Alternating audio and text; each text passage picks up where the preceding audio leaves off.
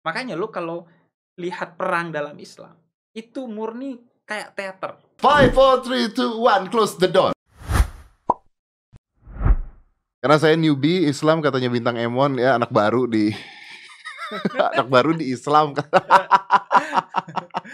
Oleh karena itu depan saya sekarang ini luar biasa banget. Gua kedatangan Habib Jafar. Wih, Habib Jafar. Bro, sorry bro, sebelum lari ke sana, Jafar itu bukannya nama di film Aladdin. Benar gak sih? Iya, nama di film Aladdin dan itu terusnya Yang jahat ya? yang jahat ya. Jadi di satu sisi nama adalah doa, Heeh. tapi dalam konteks ini gue mau bilang apalah arti sebuah nama. Wih. Tapi lu menarik banget deh. Maksudnya gini bro, eh sebagai seorang Habib, saya nggak menyangka bahwa anda akan datang ke studio podcast dengan baju sweater, dengan hoodie, dengan masker, celana jeans gitu Ya. maksudnya. Kayaknya nyantai banget gitu. Padahal anda menyandang gelar Habib. Ini kan sesuatu yang agak-agak sulit gitu kan? Iya sih? Iya, ya sebenarnya tergantung pada bagaimana kita melihat posisi gelar Habib itu. Ah. Melihatnya sebagai sebuah tanggung jawab atau melihatnya sebagai suatu kebanggaan. Oke. Kalau gua melihatnya sebagai suatu kebanggaan, maka gua akan menggunakan itu untuk hal-hal yang pragmatis bagi diri gua untuk mencari keuntungan-keuntungan. Contoh. Contoh eh, karena omongan gua pasti didengar oleh orang-orang khususnya dalam konteks agama, maka gua akan ngomong seenaknya saja. Oke. Hmm. Atau sisi lain eh, gua meng- merayakan penghormatan orang kepada gua. Oke. Wah, karena orang menghormati kita, ya udah, gua rayakan itu. Gua eh, memanfaatkan orang lain untuk kepentingan pribadi gua. Oke. Kalau melihat itu sebagai sebuah kebanggaan. Kebanggaan. Heeh. Oke. Tapi bagi gua itu tanggung jawab sih. Tapi kenapa kenapa lu tidak memilih untuk maksudnya menggunakan eh, pakaian yang lebih eh, muslim gitu? Apa Mm-mm. kenapa pakainya eh, celana jeans? Kan celana jeans katanya ke barat-baratan, Mm. ya kan? Eh, gua mau bilang gini, pertama bahwa gua gak ngerti sih apa yang dimaksud pakaian muslim. Oke, ini menarik. Misalnya baju koko, baju koko itu pakaian Tionghoa gitu sebenarnya kan. Iya, betul. Ada irisannya gitu Ada irisannya. dengan Tionghoa bu- secara kebudayaan. Itu sampai kayak peci sebenarnya adalah nasional Indonesia gitu kan. Iya, ya.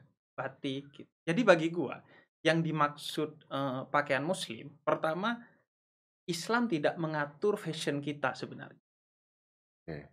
Islam itu bukan kuantitas, bukan lo berpakaian sarung, bukan lo berpakaian eh, jubah dan lain sebagainya. Tapi bagi gua, fashion dalam Islam itu ada kualitas.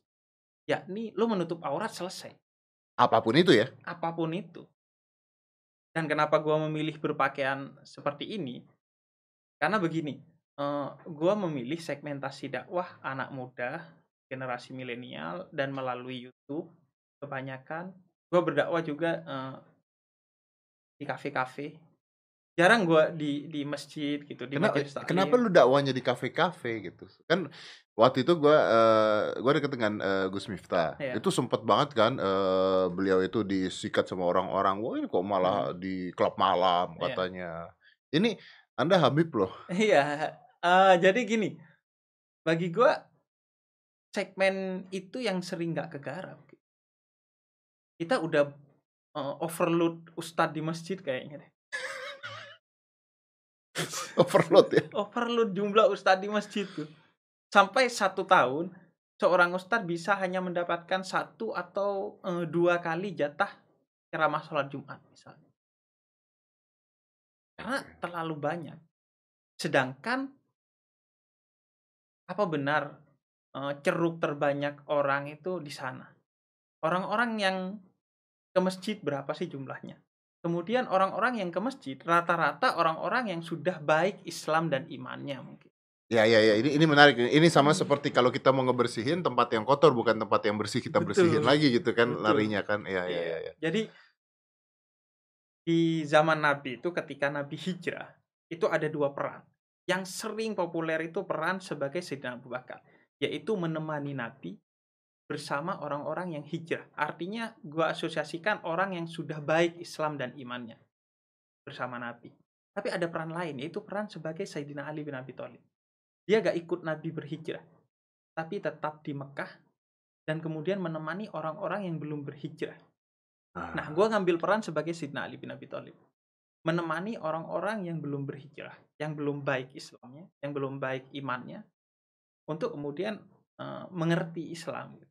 Dan perkara kemudian mereka eh, berislam dengan Atau baik tidak. atau enggak itu bukan urusan gua bagi gua. Itu bukan Tugas urusan gua lo. adalah menyampaikan. Oke, jadi jadi maksudnya ketika eh, seseorang akhirnya berubah atau tidak itu eh, dirinya sendiri udah pilihan dirinya sendiri gitu ya. pilihan dirinya sendiri dan itu memang kedaulatan yang diberikan Tuhan kepada setiap orang. Ya. Yang kalau lo merasa oh gua harus memberi hidayah kepada orang lain, bagi gua itu berbahaya sekali. Karena memberi hidayah itu hanya Tuhan yang punya haknya, Bukan manusia. bukan monas- manusia. Nah, eh, tapi kan eh, seandainya misalnya ada orang yang yang mendengarkan dan sebagainya, tapi dia tidak tidak berubah atau misalnya dia tidak tidak merubah keyakinan dan sebagainya, eh, Habib pun tidak bermasalah artinya sama sekali Tidak bermasalah bagi gua. dan Yang- tetap berteman. Tetap berteman. Hmm. Jadi eh, karena gini, kita diajarkan dalam Islam untuk tidak hanya berteman dengan sesama muslim, untuk tidak hanya berteman dengan sesama orang-orang baik. Kita dibuka pertemanan itu dengan siapa saja. Sebagaimana Nabi, Nabi itu kalaupun tidak berteman dengan orang lain bukan karena Nabi yang mutus pertemanannya, tapi musuhnya yang tidak mau menemui Nabi. Kalau Nabi welcome saja, masjidnya selalu terbuka, Indah dong itu. ya bagi gue tuh jadi makanya gue selalu bilang kayaknya kalau hidayah tidak sampai kepada pada beberapa orang atau kalau eh, sebagian orang non muslim menganggap Islam itu tidak indah coba koreksi. Jangan-jangan bukan karena mereka yang salah tapi karena memang lisan kita yang salah gitu. Bukan mata mereka yang salah memandang tapi lisan dan kelakuan kita yang memang salah gitu. Tidak merepresentasikan Islam. Itu yang sering gue bilang. Gue suka sekali kata-katanya Muhammad Abduh salah seorang tokoh pembaharu Islam gue melihat Islam di Paris tapi gak gue lihat Muslim di sana Oh. Gua melihat Muslim. Oh. di Mesir tapi gue gak ngelihat Islam di sana Yang lebih mending adalah melihat Muslim tapi tidak melihat Islam berarti atau gimana? menurut gue ya itu problemnya Problemnya. seorang mengaku Islam tapi gak berkelakuan yang Muslim Islami yang Islami. Karena Islam itu kata kerja. Ada jarak. Bagi gua gini, eh, kafir itu kan artinya menutup. Ya. Jadi walaupun lo muslim, tapi kalau lo berhenti berjalan, berhenti belajar Islam, berhenti meningkatkan kualitas Islam dan iman lo, bagi gua itu bentuk kekafiran. Ya, ya, ya, Sebagaimana ya. orang yang tidak mensyukuri nikmat itu kan disebutnya juga kafir. Ya. Sama saja. Orang yang berhenti, lu berhenti belajar Islam, bagi gue itu satu bentuk kekafiran, tindak kekafiran. tindak kekafiran. Mm. Tapi apakah eh, memiliki sebuah hak ketika lu melihat seperti itu lalu lu mengkafirkan orang? Atau ngatain orang kafir atau ngomong orang kafir? Kan itu sebenarnya kafir itu bukan Iya. kata negatif sebenarnya Iya. kan. Jadi gini, Cuma kan ini sempat sensitif ini kan. iya, Definisi atau kata-kata ini kan kemarin-kemarin sebelum Covid ya. iya, Kan sempat sensitif Heeh. gitu. heeh. Karena bagi gue itu soal akhlak, karena yang paling utama dari umat Islam kan adalah akhlaknya. Iya. Jadi kalau sekiranya kata kafir itu membuat hubungan kita jadi kurang baik dengan non muslim, maka kita akan hindari kan. Oke. Kita dididik untuk eh, berkata-kata yang selalu indah. Nabi itu bilang gini dalam salah satu hadisnya. Orang yang ikut gue, kata Nabi, bakal masuk surga. Tapi yang nggak ikut gue, ya udah. Nabi nggak bilang masuk neraka. Nggak mau kata neraka itu keluar, Keluar. dari mulutnya dan menyebabkan orang lain sakit hati. Padahal nyatanya ya yang nggak ikut gue masuk neraka kan. Logisnya begitu. Logikanya. Logikanya. Tapi Nabi nggak mengatakan itu agar nggak menyakiti hati orang lain dan nggak mau lisannya itu keluar kata-kata yang tidak indah bagi orang lain. Jadi Oke. itu. Kemudian bagi gua tidak ada orang yang bisa memastikan bahwa orang lain kafir. tidak kecuali- ada yang bisa memastikan bahwa orang lain kafir. Iya, pada nyatanya. Walaupun dia non-muslim? Dia dia non-muslim, dia dihukumi kafir secara akidah. Hmm. Tapi kan kita nggak tahu eh, sampai akhir hidupnya. Kemudian eh, atau di sisi lain orang munafik kita nggak tahu hatinya. Kita tahu kelakuannya jelek, tapi kita nggak tahu apa motifnya, apa tujuannya, apa yang ada dalam hatinya. Banyak hal yang kita nggak tahu. Sehingga yang tahu kemunafikan, kafiran, seorang masuk surga atau neraka itu pada akhirnya hanya Tuhan. Artinya apakah bisa eh, seorang non-muslim tapi dia tidak kafir gitu? Seorang non muslim tidak kafir nggak secara akidah, seorang non akidah muslim Pasti, pasti kafir. kafir. Oke. Tapi, kita Tapi tidak tahu. Tidak tahu akhir hidup dia. Ah, oke. Sehingga kita nggak bisa judge apa pun kepada dia.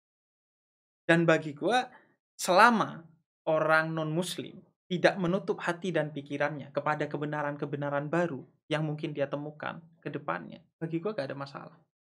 Bagi lu nggak ada masalah. Bagi gua gak ada masalah. Karena yang bermasalah itu kalau sudah menutup pikiran dan hatinya. Oke, gua berhenti di sini. Ini agama yang menurut gua sudah paling benar, yang lain salah. Gua gak mau belajar agama lain. Itu bagi gua bermasalah. Yang yang muslim saja harus terus belajar, apalagi yang non muslim. Apakah apakah harus belajar. apakah seorang muslim juga boleh melihat agama lain dan belajar hal-hal baik atau positif dari agama lain? bukan hanya hal-hal positif, semua bagian dari agama lain harus dipelajari. Yang positif untuk kita ambil, karena Nabi katakan, ambillah pelajaran dari mana, mana. Ya belajar Hikmah. sampai negeri Cina dan sebagainya. Nah, Nabi katakan eh, hikmah itu harta karunnya umat Islam. Ambil di mana pun kamu menemui, walaupun dari mulutnya seorang munafik. Yang jelek, yaitu kita harus pelajari juga untuk semakin meyakinkan kita akan agama kita. Jadi bagi gua, kalau orang memilih beragama secara eksklusif, nggak mau nih ketemu orang beda agama, nggak mau nih eh, berhubungan dengan orang beda agama, atau eh, menghalang-halangi orang beda agama untuk berdakwah. Menurut gua, lu beneran muslim nggak? Lu yakin nggak pada Islam? Kalau lu yakin, kenapa lu khawatir kepada agama-agama lain? Padahal rumusnya jelas di Quran. Kalau kebenaran datang, kebatilan akan pergi dengan sendirinya, nggak usah diusir. Jadi pertama gua mau bilang, kebatilan itu nggak perlu usir, ntar pergi sendiri. Yang penting lu bawa kebenaran. Nggak perlu lu sulit-sulit, wah ngusir-ngusir keburukan, nggak perlu. Rumusnya di dalam Al-Quran, lu bawa aja kebaikan, kebenaran, udah dengan sendirinya dia Tapi kan ada orang-orang yang beropini bahwa eh, eh, kita harus membela, kita harus membela agama kita. Gitu kan? membela agama kita, tapi bagaimana cara membela? Bagi gua cara membela agama kita adalah dengan kita beragama dengan baik, Bukan dengan memerangi. bukan dengan memerangi. Gak ada istilahnya perang atas nama agama di dalam Al-Quran. Oke. Bahkan perang pun itu hanya bagi ketika kita benar-benar diserang secara fisik. Dan itu pun harus dengan cinta. Itu pun harus dengan cinta. Dengan, dengan cinta. Sehingga uh, Sayyidina Ali bin Abi Thalib itu pernah mau memenggal musuh. Tapi kemudian beliau mengurungkan. Karena kenapa? Karena si musuh ini ngeludahi dia. Kalau kita makin mantap Makin dong. mantap, Udah. marah Nah, tuh. Terus setelah itu kemudian sahabatnya nanya, kenapa tadi lu berhenti ketika diludahi? Kemudian kata Sayyidina Ali, kalau gua menghajar dia ketika dia meludahi, berarti yang menghajar adalah nafsu, bukan iman gua. Makanya gua tenangin dulu diri gua, gua kembalikan diri gua kepada Tuhan, baru kemudian gua eksekusi dia atas nama Tuhan, bukan atas nama marahnya gua. Jadi dengan cinta. Makanya lu kalau lihat perang dalam Islam, itu murni kayak teater. Bayangin, lu gak boleh ngancurin rumah ibadah orang lain dan gak boleh ngebunuh tokoh agamanya. Gak boleh membunuh tokoh Iya, agamanya. Itu jelas berarti perang bukan atas nama agama di Islam.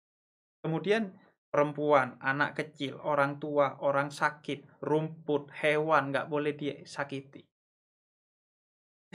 Dan itu pun baru boleh ter- ketika mereka melakukan kekerasan fisik ke kita gitu maksudnya. Kekerasan fisik kepada kita. Dan betul-betul ketika benar-benar sudah melakukan. Kalau masih merencanakan nggak boleh kita menyerah. Itu hukumnya. Makanya orang ada salah yang paham ketika Nabi memerintahkan kepada kita untuk belajar berkuda, belajar memanah. Itu apa sih maksudnya Nabi memerintahkan itu? Apa Nabi menggembar-gemborkan kita harus jagoan? Enggak. Memanah dan berkuda itu simbol jagoan memang. Tapi Nabi perintahkan itu agar kita disegani oleh sehingga musuh gak berani macam-macam dengan kita. Jadi itu preventif, justru agar kita menghindari peperangan, bukan justru agar berperang. Ini kan orang oh, belajar mau mana, belajar berkuda, justru mau perang gitu. Enggak, kata Nabi justru karena lu terlihat gagah, maka orang akan segan untuk menyerang lo sehingga tidak akan terjadi peperangan di Oke. muka bumi. Tapi Habib kan balik lagi tadi kalau ketika ada ada misalnya ada orang yang eh, dieksekusi atau dipenggal. Kenapa bisa kenapa boleh mengeksekusi atau memenggal itu? Ini kan yang akhirnya eh, ISIS membawa-bawa apa keseraman itu kan sebenarnya kan. Iya, pada dasarnya kan untuk membela diri. Murni perang dalam Islam itu untuk membela diri. Tidak ada yang di luar itu.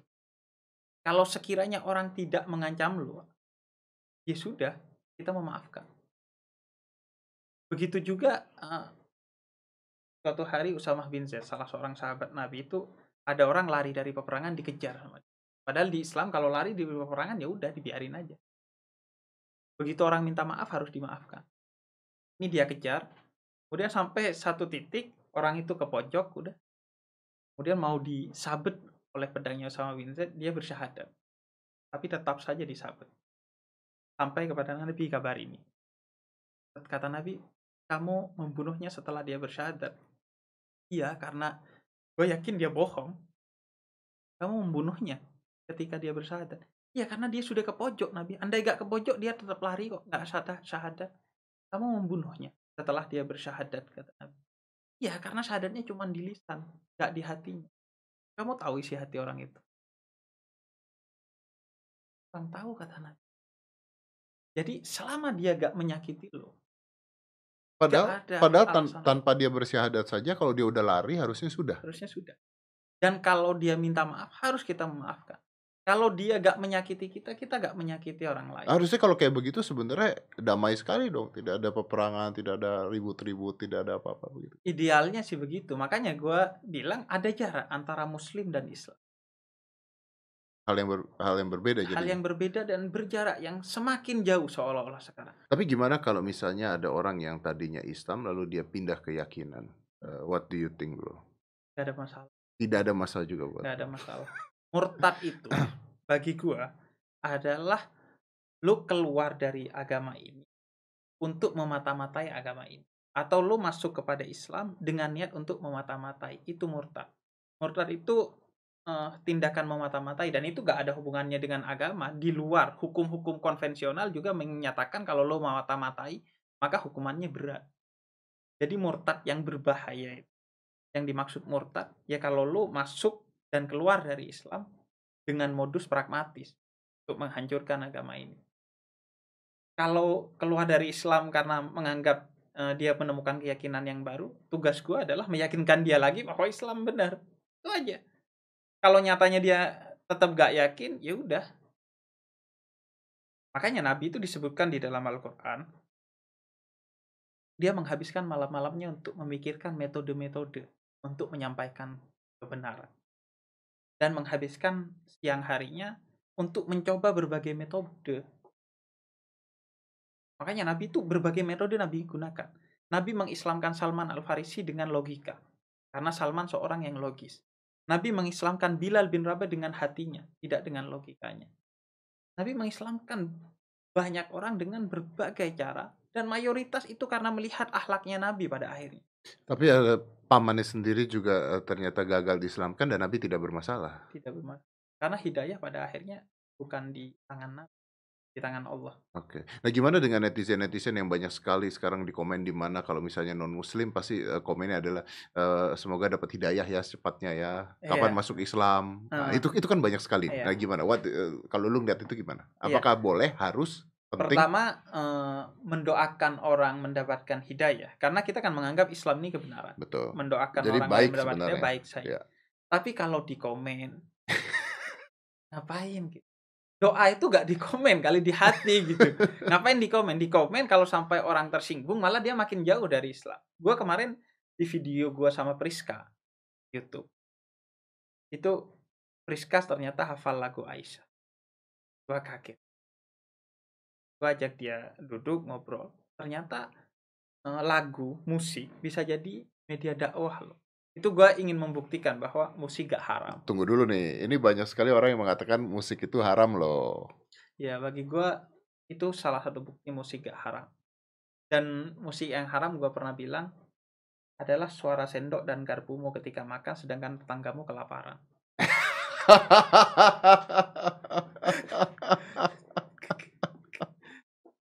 Karena Iya. buat mereka itu sebuah musik yang mengganggu sekali ya.